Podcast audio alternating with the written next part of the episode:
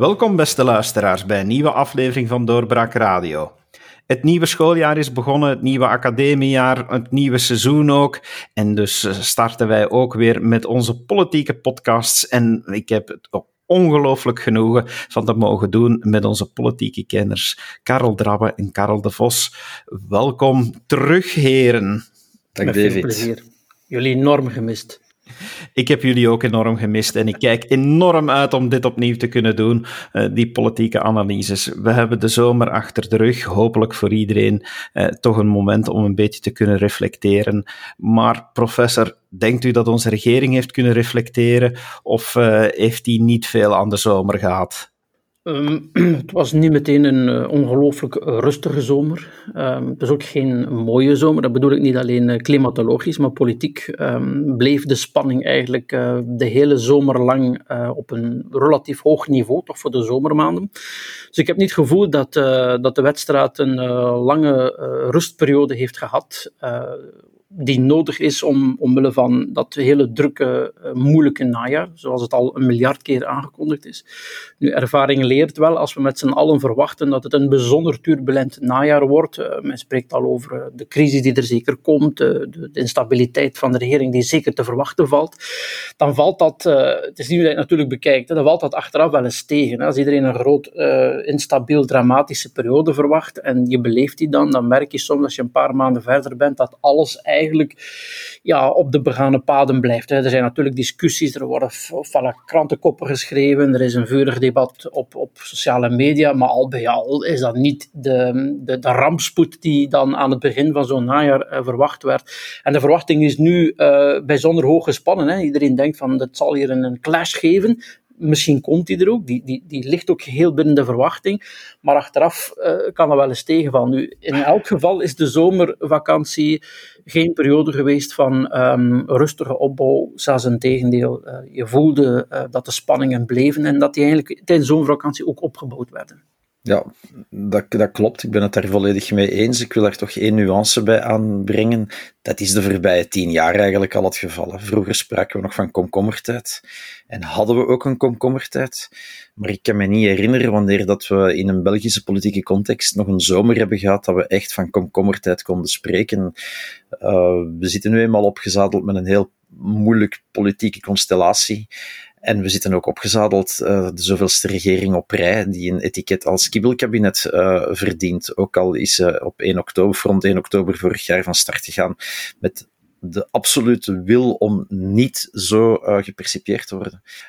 Maar um, ja, het is natuurlijk want eh, de professor sprak daar net het woord klimatologisch uit, waar hij eigenlijk meteorologisch had moeten bedoelen. Dat mij gewoon maar. De, wat mij gewoon, maar dat, dat, dat is het punt niet. Maar wat mij eigenlijk brengt op een punt van het, is, het is geen gemakkelijke zomer geweest politiek, maar we hebben natuurlijk ook wel brute pech gehad, om het dan maar zo te noemen, door een, een combinatie van een meteorologisch en een klimatologisch en een uh, demografisch en een ruimtelijke ordeningsprobleem. Hè, de overstromingen in de Ardennen, Verviers, Pepin Ster. Um, we hebben een regering gehad die actief gebleven is in de zomer. Maar de problemen daar zijn nog altijd niet opgelost, zijn nog altijd niet aangepakt. Uh, de kilometerslange uh, stortbelden met vuilnis uit die rivieren. Pas sinds gisteren weten mensen uh, dat de verzekering in Vlaanderen althans volledig zal tussenkomen uh, als ze een brandverzekering hebben. Nu goed, dat is wettelijk verplicht, dus laat ons maar hopen dat zowat iedereen dat heeft. Dus er zijn ook heel wat, wij hebben ook heel wat issues gehad die eigenlijk buiten het strikt klassieke partijpolitieke gekibbel vallen, zal ik maar zeggen, waar wij het hier in deze uh, uitzending uh, zo vaak over hebben. Uh, we hebben ook gemerkt dat er structurele problemen zijn. En ik ben alleen maar bang dat deze dat dit najaar, de komende herfst uh, in de wedstrijd, de klassieke problemen die al op de agenda stonden naar boven zullen halen, waar we het zo meteen verder over zullen hebben, denk ik, pensioenen, arbeidsmarkthervorming, uh, de nucleaire uitstap, de klimaat, uh, sorry, de energietransitie en dergelijke.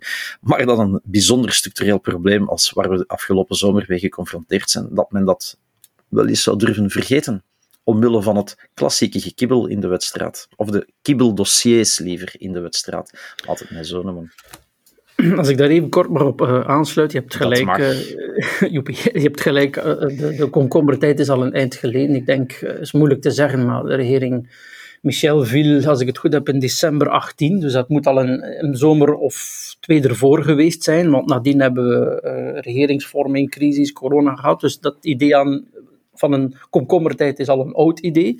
Maar het was wel een behoorlijk uh, drukke zomer, zoals je terecht opmerkt, uh, met, met, met, met rampspoed, waar ook heel veel politieke discussie over welk beleidsniveau nu wat moest doen, de federale overheid moest tussenkomen enzovoort. Er was, zo gingen we de zomer in, de bijna val van de regering over de sans-papiers, het reglement van de PS. Dus, dus dit, dit, dit, dit, plakt allemaal in die zomerperiode en dat maakt het wel een relatief gezien, hè, je hebt gelijk, de vorige zomer waren ook altijd druk, maar maakt het relatief gezien een, een, een gevoelige zomer, gelet op, op wat er nu komt. Want um, altijd wordt in de zomer gezegd dat het najaar druk wordt. Dat heeft te maken met een, een evidente timing. Het najaar is, het, is de periode van de begroting. Die, die moet in oktober worden ingediend bij de Europese Unie. En rond de begroting hangen altijd andere dossiers die daarmee verbonden zijn. En dus altijd is het najaar een drukke periode. Wat we nu uitzonderlijk meemaken is dat de, de regeringen, zowel de Vlaamse als de federale, door, uh, snel na hun vorming, door corona uh, eigenlijk weinig hebben kunnen laten zien en heel veel dossiers hebben moeten laten liggen. En al die dingen komen nu naar boven. Uh, dus wat in een normale legislatuur over vier, vijf jaar gespreid, wat vijf jaar is er bij ons nooit meer bijgelet op de gemiddelde formatieduur, wat in een normale periode altijd, um, wat op, op een lange termijn kan uitgespreid worden, dat moet nu op een vrij intens korte mhm. periode snel afgewerkt. En dat is, ik ga niet zeggen ongezien, maar dat is toch wel straf. En, en het, de mogelijkheid om al die verschillende dossiers met elkaar te combineren en dus één groot Belgisch compromis te maken, is de ene kant van het verhaal. En dat, dat, geeft, dat geeft bepaalde mogelijkheden. Als je toegevingen in begroting kunt combineren met toegevingen over de kerncentrales, uh, met dingen die je aan binnenhaalt in het pensioendossier, die dat weer niet binnenhaalt bij de arbeidsmarkthervorming, dat leidt tot een typische package deal. Dus daar zit, daar zit een zekere potentie in om het probleemoplossend vermogen van onze overheid, van onze partijen, die zwaar aangetast is, of, op zijn minst het geloof in het probleemoplossend vermogen van onze overheid is zwaar aangetast. Dus die, die, die typische Belgische package deal biedt de mogelijkheid om dat in een soort van mengelmoes allemaal te regelen. Maar dat soort van constructies, dat is net wat we niet willen. We willen niet dat soort van typische mengelmoesoplossingen waar de ene wat krijgt en de ander wat geeft in dossiers ja, waar je eigenlijk een, een lelijk compromis uh, aan overhoudt, dat structureel niets oplost, maar wel de, de, de politie de mogelijkheid geeft om te zeggen, voilà, er is een akkoord en dat is voor ons het belangrijkste. Dus dat, dat, dat wordt heel spannend. Zal men erin slagen om zo'n deal te maken? En ja, is zo'n Belgische deal niet bij uitstek te vermijden. En dat leidt er dan toe dat je die dossiers afzonderlijk moet gaan bekijken. En in elk van die dossiers een groot gevecht zal gevoerd worden. En dat, uh, ja, dat, dat, ik weet niet of men in staat is om dat allemaal goed te doen landen in, in enkele maanden. Maar zien jullie dan niet, uh, of vinden jullie dan niet, dat onze eerste minister zeker uitstelgedrag vertoont? Want uiteindelijk de begroting eh, die u al noemde, die wordt meestal al in juli, voor de zomervakantie even bekeken, is uitgesteld. Het pensioendossier, waar we zo dadelijk nog verder zullen op ingaan, heeft die ook al op de, op de agenda, op de lange agenda geschoven naar december toe. Um, of wijst dat eerder net om het allemaal op één hoop te gaan gooien, om dan toch tot zo'n Belgisch compromis te komen? Hij wou dat. Hij wou dat. Hij wou die dingen samenbrengen in één Belgisch compromis. Sommige van zijn coalitiepartners zeggen dan, dat illustreert een beetje de sfeer, dat is dan aan president de Croo toe te laten om op grote persconferenties met bijhorende Instagram-foto's te zeggen dat hij de grote uh, oplosser is.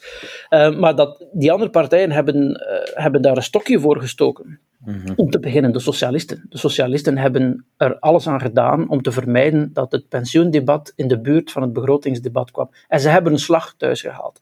Ze hebben het nu vroegtijdig al gelekt op de agenda gezet, waardoor uh, de controverse losbarstte. En men dus nu dat debat moet uitstellen, omdat er geen draagvlak voor hervormingen is. Ik weet ook niet wat het draagvlak voor de arbeidsmarkthervorming is. Ik weet niet wat het draagvlak voor de, voor de begrotingshervorming is. Maar bon, als dat de criterium is, dan kan je alles uitstellen. Men heeft dat nu geparkeerd uh, op het einde van het jaar. En dus is is dat uit het begrotingsgewoel um, verwijderd. En dat is iets wat de PS altijd wou. Dus, dus de, de constructie die de premier wellicht voor ogen had, die, die niet zijn beste periode beleeft. Ik denk dat zijn hoogtepunt in, in leiderschap nu al een tijdje achter ons ligt. Hij kan dat, hij kan dat corrigeren, hij kan dat weer goed maken de komende maanden, maar dat, dat is altijd uit zijn kot moeten komen, wijze van spreken.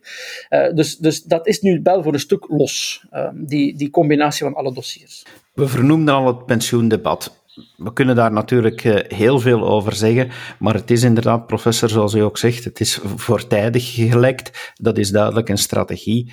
Maar los van die strategie, het was toch maar een mager beestje. Het grote pensioendossier waar zo lang aan gewerkt is. Uh, ik vond het bijna grappiger om in der tijd nog te horen spreken over het groenboek en het witboek dat er, dat er zo aankomen. Dat had precies nog meer om het lijf. Maar ik, ik denk dat het terecht is dat je naar het groenboek en het witboek verwijst. Hè. We hebben een uh, vergrijzingscommissie gehad, een uh, zilverfonds, dat dan uiteindelijk leeg bleek te zijn, een pensioencommissie, uh, een generatiepact. je verwijst terecht naar het groen en het witboek. we weten al heel lang in dit land um, wat er uh, allemaal scheelt. Hoe dat we de pensioenen moeten rechttrekken voor het zo breed mogelijke deel van de bevolking. Hè? Want we mogen niet vergeten dat we zowat de laagste pensioenen van het land hebben. Dat die niet volstaan, hè? die minimumpensioenen die er zijn, die volstaan niet om uw levensstandaard, zoals die vandaag in dit land geldt, uh, op peil te houden. Dus er moet iets gebeuren. We weten dat al 20 jaar en langer. Eigenlijk al van Paars 1, hè, de regering Verhofstadt 1999-2003, had, was daar al aan begonnen. En we zijn 20 jaar verder en we staan eigenlijk nog uh, nergens. Um, nu, um, dat al die dossiers zouden gebundeld worden tot één groot Belgisch compromis. Ja, ik, ik, dat, dat, is inderdaad de, perceptie die we hebben. Maar ik wil er toch ook even op wijzen dat vorige week de wedstrijdjournalisten toch ook nog ogenschijnlijk ervan uitgingen dat er vrijdag wel degelijk op uh, in de kern um, pensioenen aan bod zouden komen. Dat het plan van uh, de PS-minister uh, effectief aan bod zou komen. Dat het niet veel heeft voorgesteld, dat durf ik dan weer bestrijden. Ik denk dat de PS uh, heel zwaar op uh, de borst heeft geroffeld en met uh, heel grote onbetaalbare plannen naar buiten is gekomen om de eigen achterban te sieren. En om al dan niet de federale regering wat stokken in de wielen te steken. Wat het plan daarvan is, van dat laatste, ja, daar hebben we het raden naar wil de PS al aansturen op een vroeg, vroegtijdige uh, decalage of val van de regering. Uh, niemand die het weet, maar ja, je kan dat ook niet uitsluiten omwille van wat Karel de Vos daarnet zei. Er liggen heel zware dossiers op tafel. Ze schijnen allemaal samen te komen met uh, begroting waar nog aan moet begonnen worden, blijkbaar, of waar we althans toch nog niet veel hebben van vernomen. Dus het ziet er niet goed uit. En dan heb ik het nog niet over het typische wedstrijdgekibbel, hè, om mijn woord van daar straks terug op te pikken tussen de voorzitters van de MR en de PS?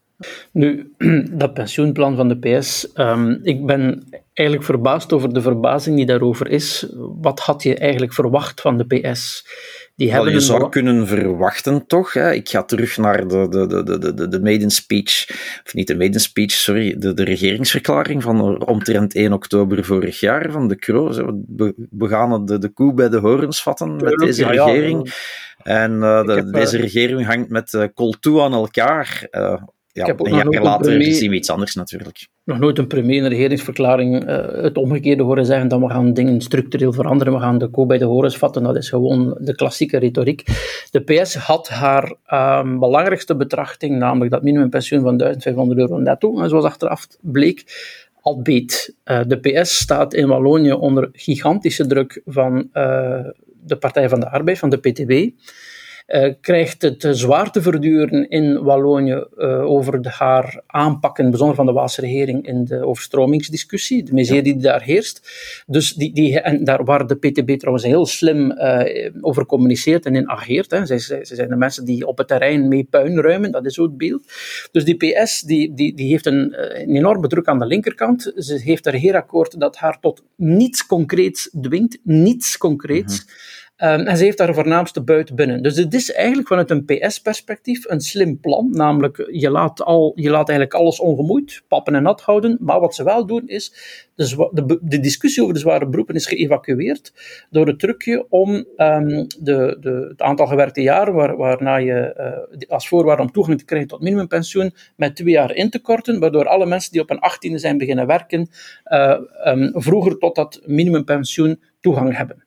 En dus die zware beroependiscussie is weg. Uiteindelijk hebben ze dat minimumpensioen verhoogd op VLD wou dat wel, maar dat, dat, iedereen ziet dat als een grote socialistische overwinning. Ze hebben dat minimumpensioen verhoogd en het voorstel van de minister is nu om dat voor meer mensen toegankelijk te maken. Dat is een 100% PS-plan. Dat dat qua betaalbaarheid en de structurele hervorming, het, het, het, het naar elkaar laten toegroeien van de stelsels van uh, werknemers, ambtenaren en zelfstandigen, dat dat allemaal niet gebeurt, dat klopt. Ze heeft ook de fiscale um, gunstregimes voor de tweede en derde pijler niet aangepakt, wat vroeger werd gevreesd. Dus mm -hmm. ze, heeft, ze heeft erop gelet om, om, om veel dingen niet aan te raken, maar een paar PS-dingetjes erin te steken. Dit is niet een grote hervorming, ook de betaalbaarheid is gigantisch probleem, maar ik had eerlijk gezegd van de PS in deze situatie waarin ze zich nu bevindt, ook niks anders verwacht. Dus heeft gedaan wat ze moest doen. En dat is, dat is vanuit het perspectief van wat er zou moeten gebeuren met die pensioen een enorme ontgoocheling. Wat ze wel gedaan hebben, daar, en daar, um, ik weet niet of, of, of, of dat echt een zwakke, politiek strategisch een zwakke flank is, maar ze hebben in de discussie over de houdbaarheid en de financiering van de pensioenen zelf de nadruk gelegd op die 80% werkzaamheidsgraad. Ze hebben gezegd van kijk, budgetair, begrotingsgewijs is mijn oefening neutraal, want die minimumpensioenverhoging stond al in de begroting. Maar op lange termijn moet die 80% werkzaamheidsgraad bereikt worden. En dat is nu wat die werkgelegenheidsconferentie, die heel erg op een academische conferentie begint te lijken, allemaal komt daar ideetjes uh, aan, aan bod brengen. Dat is nu wat op die werkgelegenheidsconferentie moet gebeuren. Dus men, de PS zelf heeft de verwachting rond die arbeidsmarkthervorming eigenlijk wel um, opgekrikt. En daar stel ik mij de vraag, uh, we hebben het er straks waarschijnlijk over, hoe in Semelsnaam gaat men die uh, 10% groei van 70% gemiddeld zoals het nu is naar 80%, hoe gaat men dat in Semelsnaam doen als je weet dat de vorige stijging van 60 naar 70% 25 jaar heeft gekost en men nu tegen 2030 naar 80% wil gaan? Dat is een ongeziene groei van uh, de werkende bevolking aan een, uh, aan een tempo dat we eigenlijk de voorbije tien jaar op enkele uitzonderingen na nooit gezien hebben. Uh, als ik het goed heb, moeten er vele, ik heb het hier ergens in de standaard bijgehaald, moeten vele honderdduizenden mensen aan het werk geraken. Er is nog wat laaghangend fruit in Wallonië en Brussel. In Vlaanderen zit je al te kijken naar de mensen die op dit moment totaal niet op de arbeidsmarkt actief zijn. De mensen die ziek zijn, dat is een zeer moeilijk te activeren categorie. Dus ik, ik denk dat ongeveer niemand gelooft dat hij dat haalt in 2030, die 80 procent. Wel, um, er is één iemand die daar al een oplossing voor gevonden heeft. En dat is uh, de cartoonist Saza vandaag in de morgen. Magistraal. Uh, Lalleux tegen de Croo, denk ik. Maar dat ben ik nu, of tegen Frank van den Broeke, dat ben ik even kwijt. En dus de kroof van den Broeke vraagt van, ja, hoe gaan we dat nu eigenlijk bereiken, die 80%? Hoe ga je dat doen? Waarop ze zegt, ja, maar je hebt het niet goed begrepen, hè? 80%, we, gaan voor het gemiddelde. Hoezo het gemiddelde? Ja, zegt ze, het is heel simpel. Wallonië 65% en Vlaanderen 95%. het is natuurlijk maar een cartoon, maar in een cartoon schuilt vaak zoveel uh, werkelijkheid. Uh, we zitten in Vlaanderen ook nog niet aan die 80%. En het zal niet gemakkelijk zijn om die te behalen. Maar hoe dat je dat überhaupt kunt behalen in Franstalig België, gezien de sociaal-economische situatie daar, dat is al helemaal een, een groot vraagteken. Dus men rekent zich rijk. Ja, ik heb hier nog eens uh, de cijfers, uh, dus standaard. Um, om de doelstelling van 80% te halen tegen 2030, 660.000 extra personen tussen 20 en 64 jaar die aan het werk moeten. Dat is een groeiritme van 1,3% per jaar. We hebben dat alleen gehaald in de periode 2016-2019, maar alle andere jaren in de buurt daarvan hebben we dat niet gehaald. En dus je vraagt je af, van waar moet dat komen? Ja, en aangezien dat, dat dat budgetair en voor de pensioenhervorming zo belangrijk is, ik denk trouwens van alle dossiers waar de regering mee zit, is dit het meest cruciaal. Mhm. Als je die 80% haalt, dan, dan, heb je veel volk aan het werk, dan, kom, dan stroom er middelen binnen in de begroting, dat is goed voor je pensioen en je sociale zekerheid. Allee, dat, is, dat, is, dat is het cruciale dossier van alle dossiers die nu op tafel liggen. welke wonderoplossing de PS daarvoor uit haar goed gaat over. Ik, ik zie ook niet goed hoe. Hè. De overheid uh, nieuwe taken laten creëren, nieuwe jobs laten creëren. Ja, met, met welk geld? Hè? Want we zitten nu eenmaal met de deficitaire overheden, zowel in Noord als Zuid als federaal. want zelfs Vlaanderen uh, zit krap hè, wat dat betreft, zit met een deficit.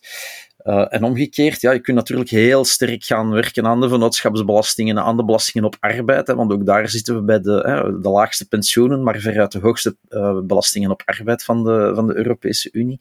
Maar dat zijn zaken die een linkse partij als de PS, met de hete adem van de PTB, denk ik ook nooit zal doorvoeren. Dus ja, Um, het is de historicus, uh, econoom Erik Buis die België ooit het gestolde land heeft genoemd. En het, ja, het blijft maar stollen. Want eh, je hebt gelijk, in Wallonië is dat uh, moeilijk. Hè. Er moet ook voldoende aanbod van uh, jobs zijn en de vraag, de vraag en aanbod moeten elkaar ontmoeten. Um, er zijn een aantal categorieën waarvan we weten dat daar nog potentieel zit.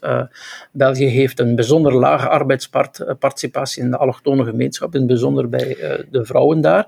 Er zijn ook, dus als je de groep van de inactieven bekijkt, hè, dus de mensen die helemaal niet op de arbeidsmarkt zitten en op dit moment ook niet de ambitie of intentie hebben om daar toe te treden, als je die groep bekijkt, daar zit daar zit een serieus groeipotentieel. Maar dat is natuurlijk een bijzonder moeilijk te activeren categorie. Ja, maar nog los daarvan, dat is de vraagzijde. Er is aan de aanbodzijde, oké, in Vlaanderen zijn er misschien wel een aantal jobs, een aantal functies die niet ingevuld geraken, momenteel in de horeca bijvoorbeeld, maar niet voldoende, en al zeker niet in Franstalig België aan die uh, aanbodzijde, om tot die, uh, ja, dat gigantische percentage van 80% uh, van werkzaamheidsgraad te komen. Dat is gewoonweg ondenkbaar. En ik zie ook geen PS-minister, of zelfs geen vooruitminister, uh, een regel treffen zoals de Deense Sociaaldemocraten nu net hebben gedaan, hè, om die allochtone bevolking meer te helpen integreren door die aan het werk te zetten in een soort verplichte werkstellingsstelsel, om men zoveel uren per week te laten sigarettenpeuken op het strand te gaan oprapen, om, om, dat maar te noemen. Dat gaat ook niet gebeuren. Dus um, ja, groot vraagteken, wit blad. En, uh, ik, ik, denk dat de kans uh, dat men tot die asymmetrische samenwerkingsakkoorden komt groot is. Hè, met eigen uh, recepten voor Vlaanderen, Wallonië en Brussel. Dat zal een politieke overwinning zijn. De regio's zullen zeggen, voilà, wij hebben nu de kans op maatwerk. De federale minister zal zeggen, zie je wel, vanuit het federaal kader, want Derman heeft dat al tien keer gezegd, dat moet allemaal binnen dat federaal kader gebeuren. Het federaal kader laat de regio's mogelijkheden om maatwerk in hun eigen regio te doen. Dat dat is dat zijn mooie politieke verhalen die je dan vertelt. Wat dat precies betekent op de vloer, in, eh, op wat de werkstelling van mensen in bedrijven enzovoort. Dat is nog een andere kwestie. Maar ik denk dat, dat daar een politieke doorbraak tussen aanhalingstekens zit, namelijk dat dat mogelijk zal zijn. Met dat verschil natuurlijk dat je dan aan fiscaliteit moet gaan rommelen en dat je dan de regio's ook een veel groter, en nu is die heel klein, fiscale autonomie moet gaan geven. En ik zie dat toch zomaar niet gebeuren dat de PS uh, eh, Vlaanderen uh, een grote fiscale autonomie gaat gunnen, tenzij dat, dat daar, tenzij dat daar weer, uh, de, gisteren is de Nationale Bank nog eens met cijfers naar buiten gekomen over de transfers in de sociale zekerheid, worden door de Nationale Bank, net als door de Vlaamse regering of door de KBC, geschat op iets meer dan 6 miljard per jaar. Maar als je zoiets zou willen organiseren, ja, dan gaat de PS op tafel kloppen en zeggen van, ja, voor zulke hervormingen willen wij meer geld. Maar dat geld is er ook niet meer in Vlaanderen. Of wat ga je doen? De, de hardwerkende Vlaming, om dat beeld dan nog maar eens uit de kast te halen, nog eens extra te gaan uh, fiscaal belasten? Dat, dat, dat, is ook niet meer haalbaar. Hè? Dat is een recept voor een, uh, de zwartste zondag uh, sinds 24 november 1991. Oh, dit maar jaar, die, 30 jaar geleden. Dus, dus ja, moeten we, moeten we vieren of herdenken. Je hebt gelijk, maar wat men met die asymmetrische samenwerkingsakkoorden kan doen, is wel um, ja, het signaal geven, kijk, de, de, de regio's hebben nu ook de, de instrumenten in handen. Niet allemaal, hè, want dat moet binnen, dat zegt er man, je moet binnen het federaal kader en binnen bestaande bevoegdheden gebeuren. Maar dat doet een beetje denken aan de gesprekken die uh, tijdens de formatie tussen PS en NVA uh, eh, gevoerd werden rond um, ja, een techniek om binnen de bestaande bevoegdheidsverdeling um, meer federale taken eigenlijk de facto te delegeren, zeg maar, over te dragen, met behoud van dat federaal kader uiteraard, aan die regio's. Je zou, je zou met een beetje goede wil kunnen dit een concrete invulling zien van wat toen in de formatie als een noodoplossing, want uh, staatshervorming kon niet, wegens geen meerderheid, wegens grondwet niet uh, voldoende voor herziening vatbaar verklaard. Dat, dat werd toen in die periode waar de Pijs en NVA met elkaar praten, gezien als een manier, daar bestaan geleerde woorden voor om dat soort van constructies aan te duiden, als een manier om toch te, te defederaliseren binnen het federaal kader en een soort, soort staatshervorming door te voeren. Ja, met dan nog, nog opnieuw weer één correctie. Ik zie zoiets binnen de huidige context van deze Vivaldi-regering ook niet gebeuren, omdat je wel, zowel in Noord als Zuid minstens twee en zelfs vier partijen hebt die daar een stokje voor zullen steken. Hè. De MR met uh, het tricolore vlaggengezwaai uh, van Georges Boucher langs Georges Louis Boucher aan de ene kant. En iemand als Slaggaard die vanuit een puur rationele, of misschien toch irrationele uh, overweging de bedenking wil gaan maken van wat kunnen we gaan herfederaliseren om dit land ja, ik zal maar zeggen, te doen overleven tot 2030.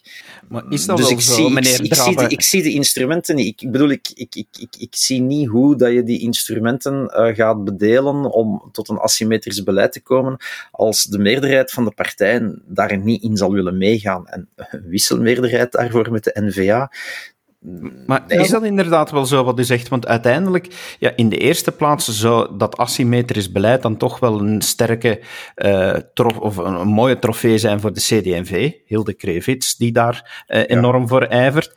Maar het is toch ook voor een heel stuk de Open VLD, enkele uh, Vlaamse parlementsleden ook, die zich daar enorm voor uitspreken. De VLD lijkt daar toch ook wel enorm hard voor te ijveren. Ja, maar dat zijn de Vlaams parlementsleden, hè? geen Vlaamse parlementsleden. Dat is een belangrijke nuance. Ik, bedoel, ik, ik heb nog geen Open VLD-Kamerlid uh, zoiets horen bepleiten. Ik denk dat men daar heel trouw uh, de marsorders volgt van we moeten op een rationele manier naar de staatshervorming kijken uh, en gaan herfederaliseren wat er kan geherfederaliseerd worden. Hè. Eenheid van commando heeft de coronacrisis ons geleerd. De watersnood biedt dat trouwens extra voedsel. En bij de MR, ja, zolang dat Boucher daar echt effectief de plak zwaait, okay, daar kun je ook een, een hele boom over opzetten, uh, zal zoiets ook niet gebeuren. En als ik daarnet zei twee partijen, ik heb alleen maar de liberalen genoemd, maar er zijn ook nog eens de twee groene partijen. Denk... Waarbij, waarbij, dat je, en daar rond ik af, nog maar eens de vraag kunt stellen van wat doet de CD&V inderdaad in godsnaam in die Vivaldi-regering? Dat is een goede vraag. Maar ik denk wat, die, wat, dat, wat dat voorstel uh, van die asymmetrische samenwerkingsakkoord betreft, uh, Krevits heeft uh, een tijdje geleden al ja, via de pers ook duidelijk gemaakt wat ze dan precies voorstelt. Dat was niet uh, revolutionair en dat wordt in elk geval gesteund door N-VA, dat is nogal logisch. Mhm. Maar ook door Open VLD in de Vlaamse regering, heb ik begrepen. Krevits heeft die vraag als bevoegd minister gesteld, maar kon die vraag ook stellen namens de Vlaamse regering. Dus daar is er wel eensgezindheid over. Voor de federale Open VLD, om het maar zo te noemen, is dat ook interessant, want als mogelijk, als zou blijken achteraf dat het mogelijk is om dat soort van maatwerk uh, door te voeren, zonder dat je nu per se het hele arbeidsmarktbeleid of bevoegdheden moet verschuiven van uh, federaal naar deelstaat, dan, dan, is dat, dan dient dat ook hun uh, redenering bij, bij toch een deel van die Open VLD'ers, hè, want die zijn daarover ook behoorlijk verdeeld. Mm um, namelijk dat die staatshervorming, wat nu altijd gezegd wordt, en gezondheidszorg, en de arbeidsmarkt, eh, dat moet helemaal naar de regio's. Dan gaan die zeggen, jongens, kijk, dat hebben we dus de laatste jaren hebben we dat dus gedaan via die asymmetrische samenwerkingsakkoord binnen het federaal kader. En dat werkte. Dat werkte. Dan heb je, daar heb je ook een argument tegen die staatshervorming. Dus ik vermoed, en, en in Brussel en in Wallonië, als dat federaal kader, arbeidsrecht enzovoort, uh, fiscaliteit, sociale zekerheid, als dat allemaal uh, niet aangetast wordt, dan kan ik mij best inbeelden dat hij zegt, ach, als die Vlamingen dat op die manier, op die Zweedse manier willen doen, dat ze dat dan maar doen, want het schaadt ons ook niet. Ik weet het niet, dit, dit is een interessante casus. hè? Wat, wat, we zullen zien de komende weken. Ik weet dat men um, in de Vlaamse regering uh, met heel veel sepsis naar, naar die discussie kijkt. Men vindt dat de Vlaamse regering daar onvoldoende ja, aan tafel zit, eh, die samenwerking, en die werkgelegenheidsconferentie tenminste. Daar zit, veel volk rond tafel. Dus ze vinden dat ze wel laat bijgekomen zijn en niet, niet de volle plek krijgen die ze verdienen.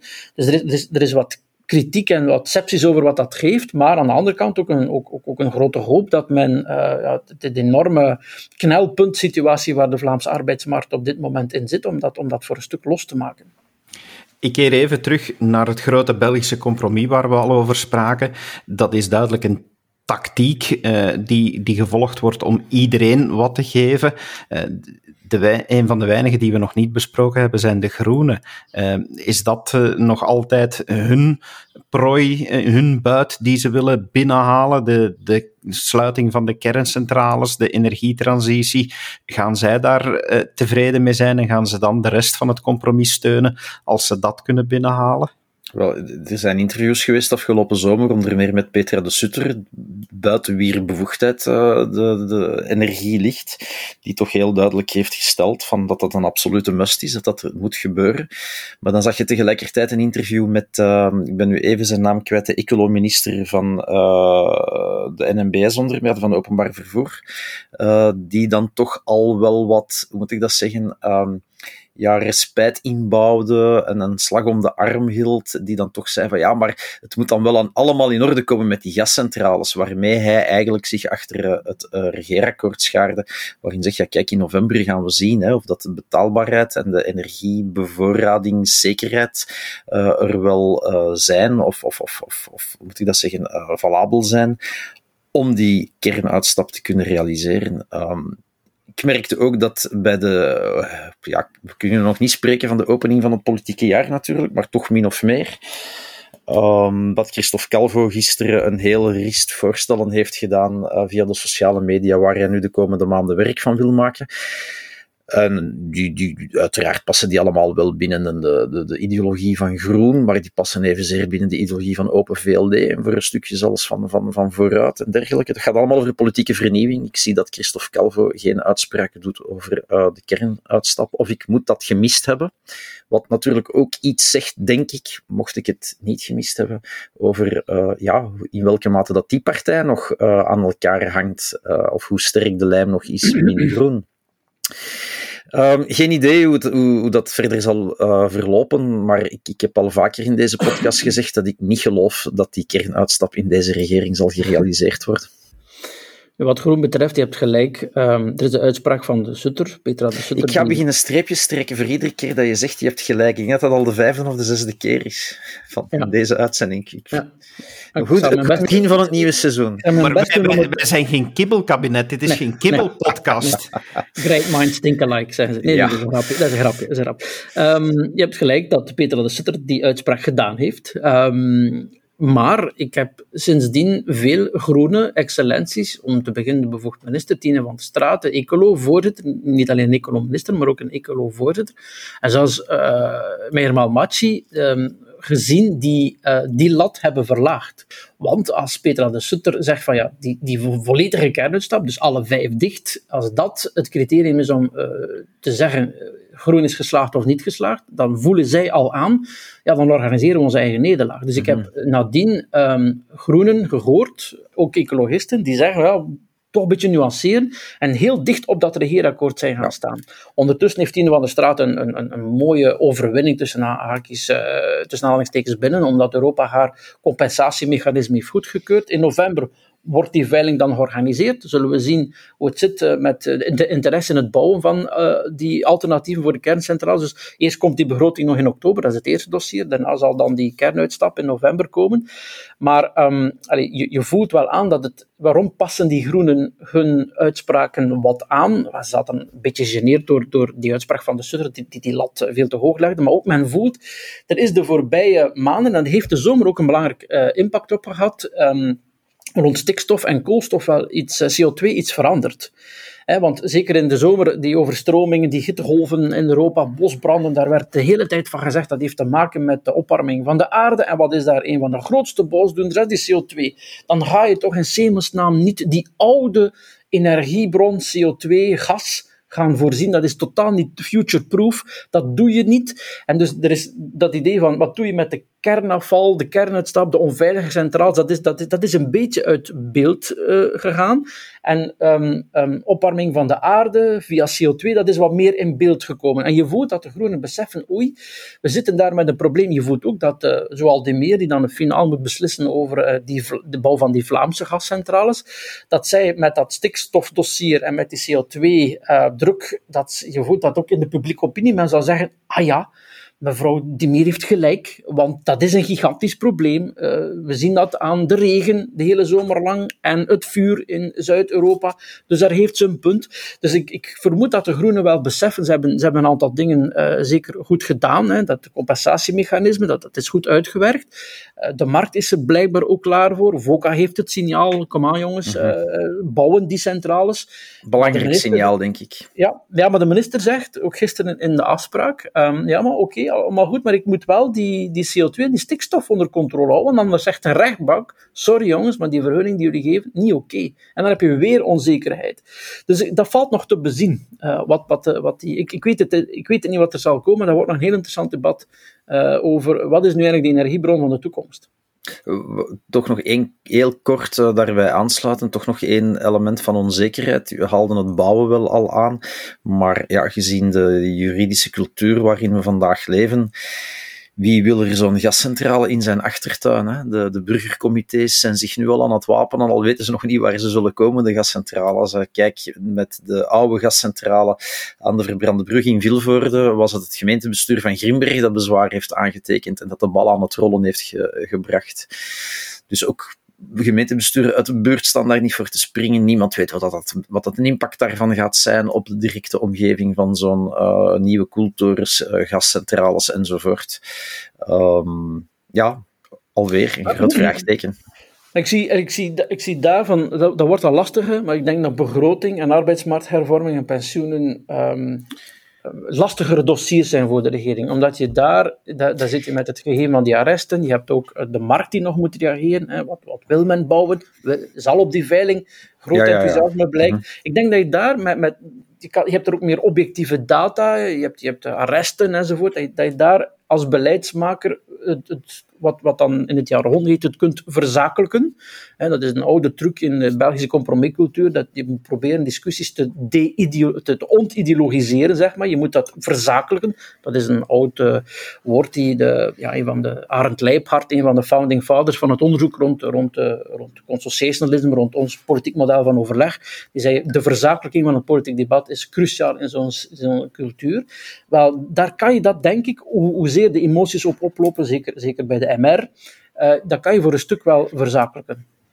Meneer Drabbe, nog één punt, iets wat u al eh, heel zijdelings aanraakte daarnet. De spanning tussen MR en PS, eh, gaat die nog heel zwaar wegen op het debat dit najaar?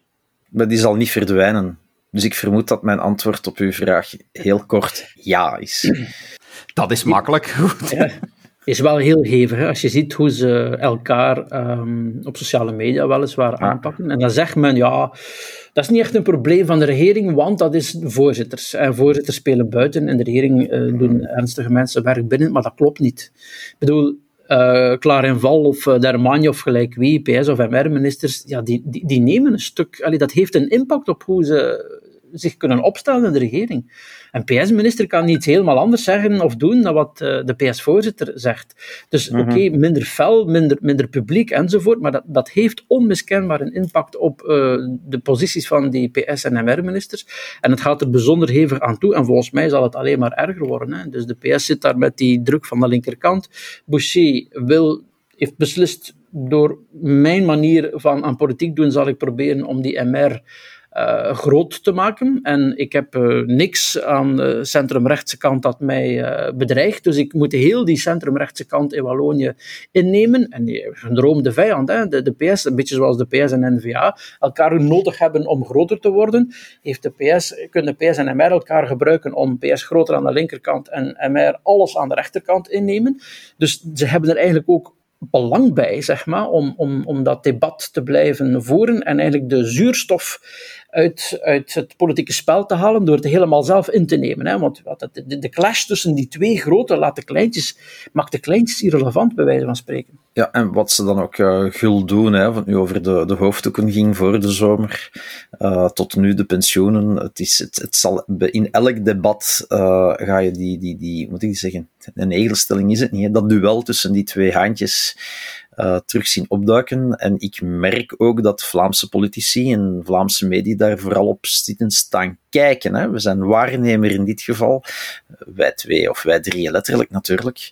Maar je ziet ook niet dat Conor Rousseau zich daar dan een voet tussen de deur gaat uh, wringen. Of uh, omgekeerd dat Egbert Lachaert probeert Boucher zijn arm om te wringen. Je ziet vanuit Vlaanderen geen reactie, behalve ja, we, ze staan en we staan er naar te kijken, uh, naar hoe dat die twee kemphanen proberen het politieke landschap ja, onder controle te krijgen. En, en, tegelijkertijd zie je dan dat de PTB, hè, je had het daar straks al over de overstromingen, die partij was daar zeer actief met de nodige mediacampagnes enzovoort. Boots on the ground, letterlijk en figuurlijk.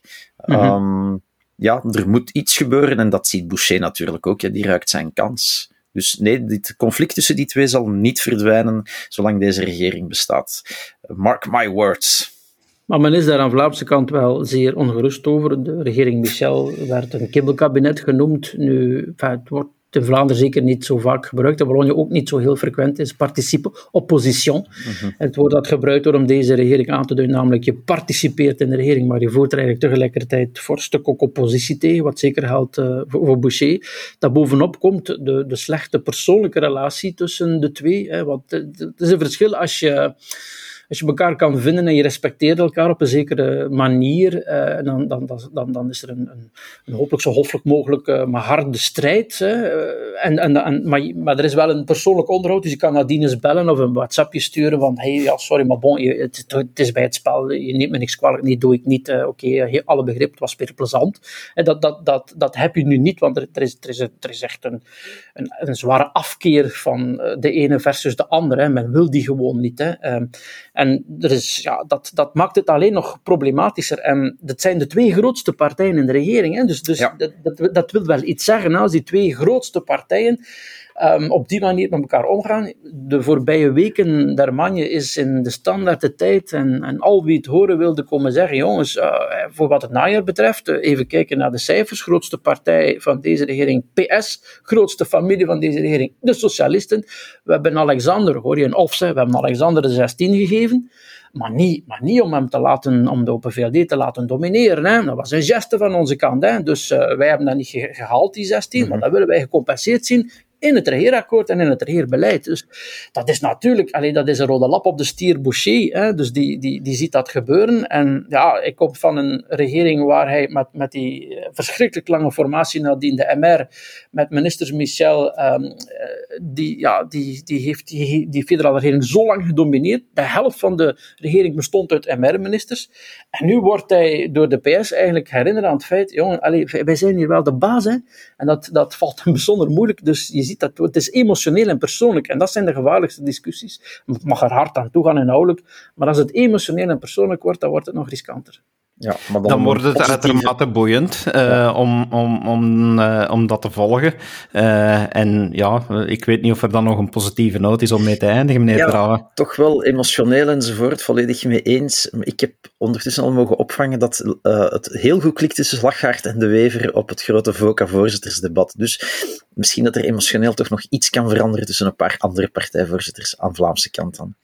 Ik denk dat Misschien. de steeds, steeds beter beseft dat hij medestanders nodig heeft als hij ooit nog iets wil doen in dit land. Ongetwijfeld. Ja. Een positieve dan, Maar dan blijven wij er met onze neus bovenop zitten. Het worden dus boeiende tijden voor politieke analyses. Dus we hebben stof genoeg om door te gaan. Uh, laat ons dus al uitkijken naar de volgende keer dat we elkaar terug ontmoeten. Meneer Drabbe, meneer De Vos, hartelijk dank voor jullie tijd en voor jullie inzichten. Graag gedaan. En uw beste luisteraar, dank u wel om terug af te stemmen. Blijf luisteren. Volgende week zijn we met een politieke analyse met de collega's Pieter Bouwens en Bart Maddes. En uh, we gaan dus verder met onze analyses nadien. Dank u wel om te luisteren en graag tot de volgende keer. Dag. Dit was een episode van Doorbraak Radio, de podcast van doorbraak.be. Volg onze podcast op doorbraak.be/radio of via Apple Podcasts, Overcast of Spotify. Bezoek ook onze website op doorbraak.be en steun ons door een vriend te worden van Doorbraak.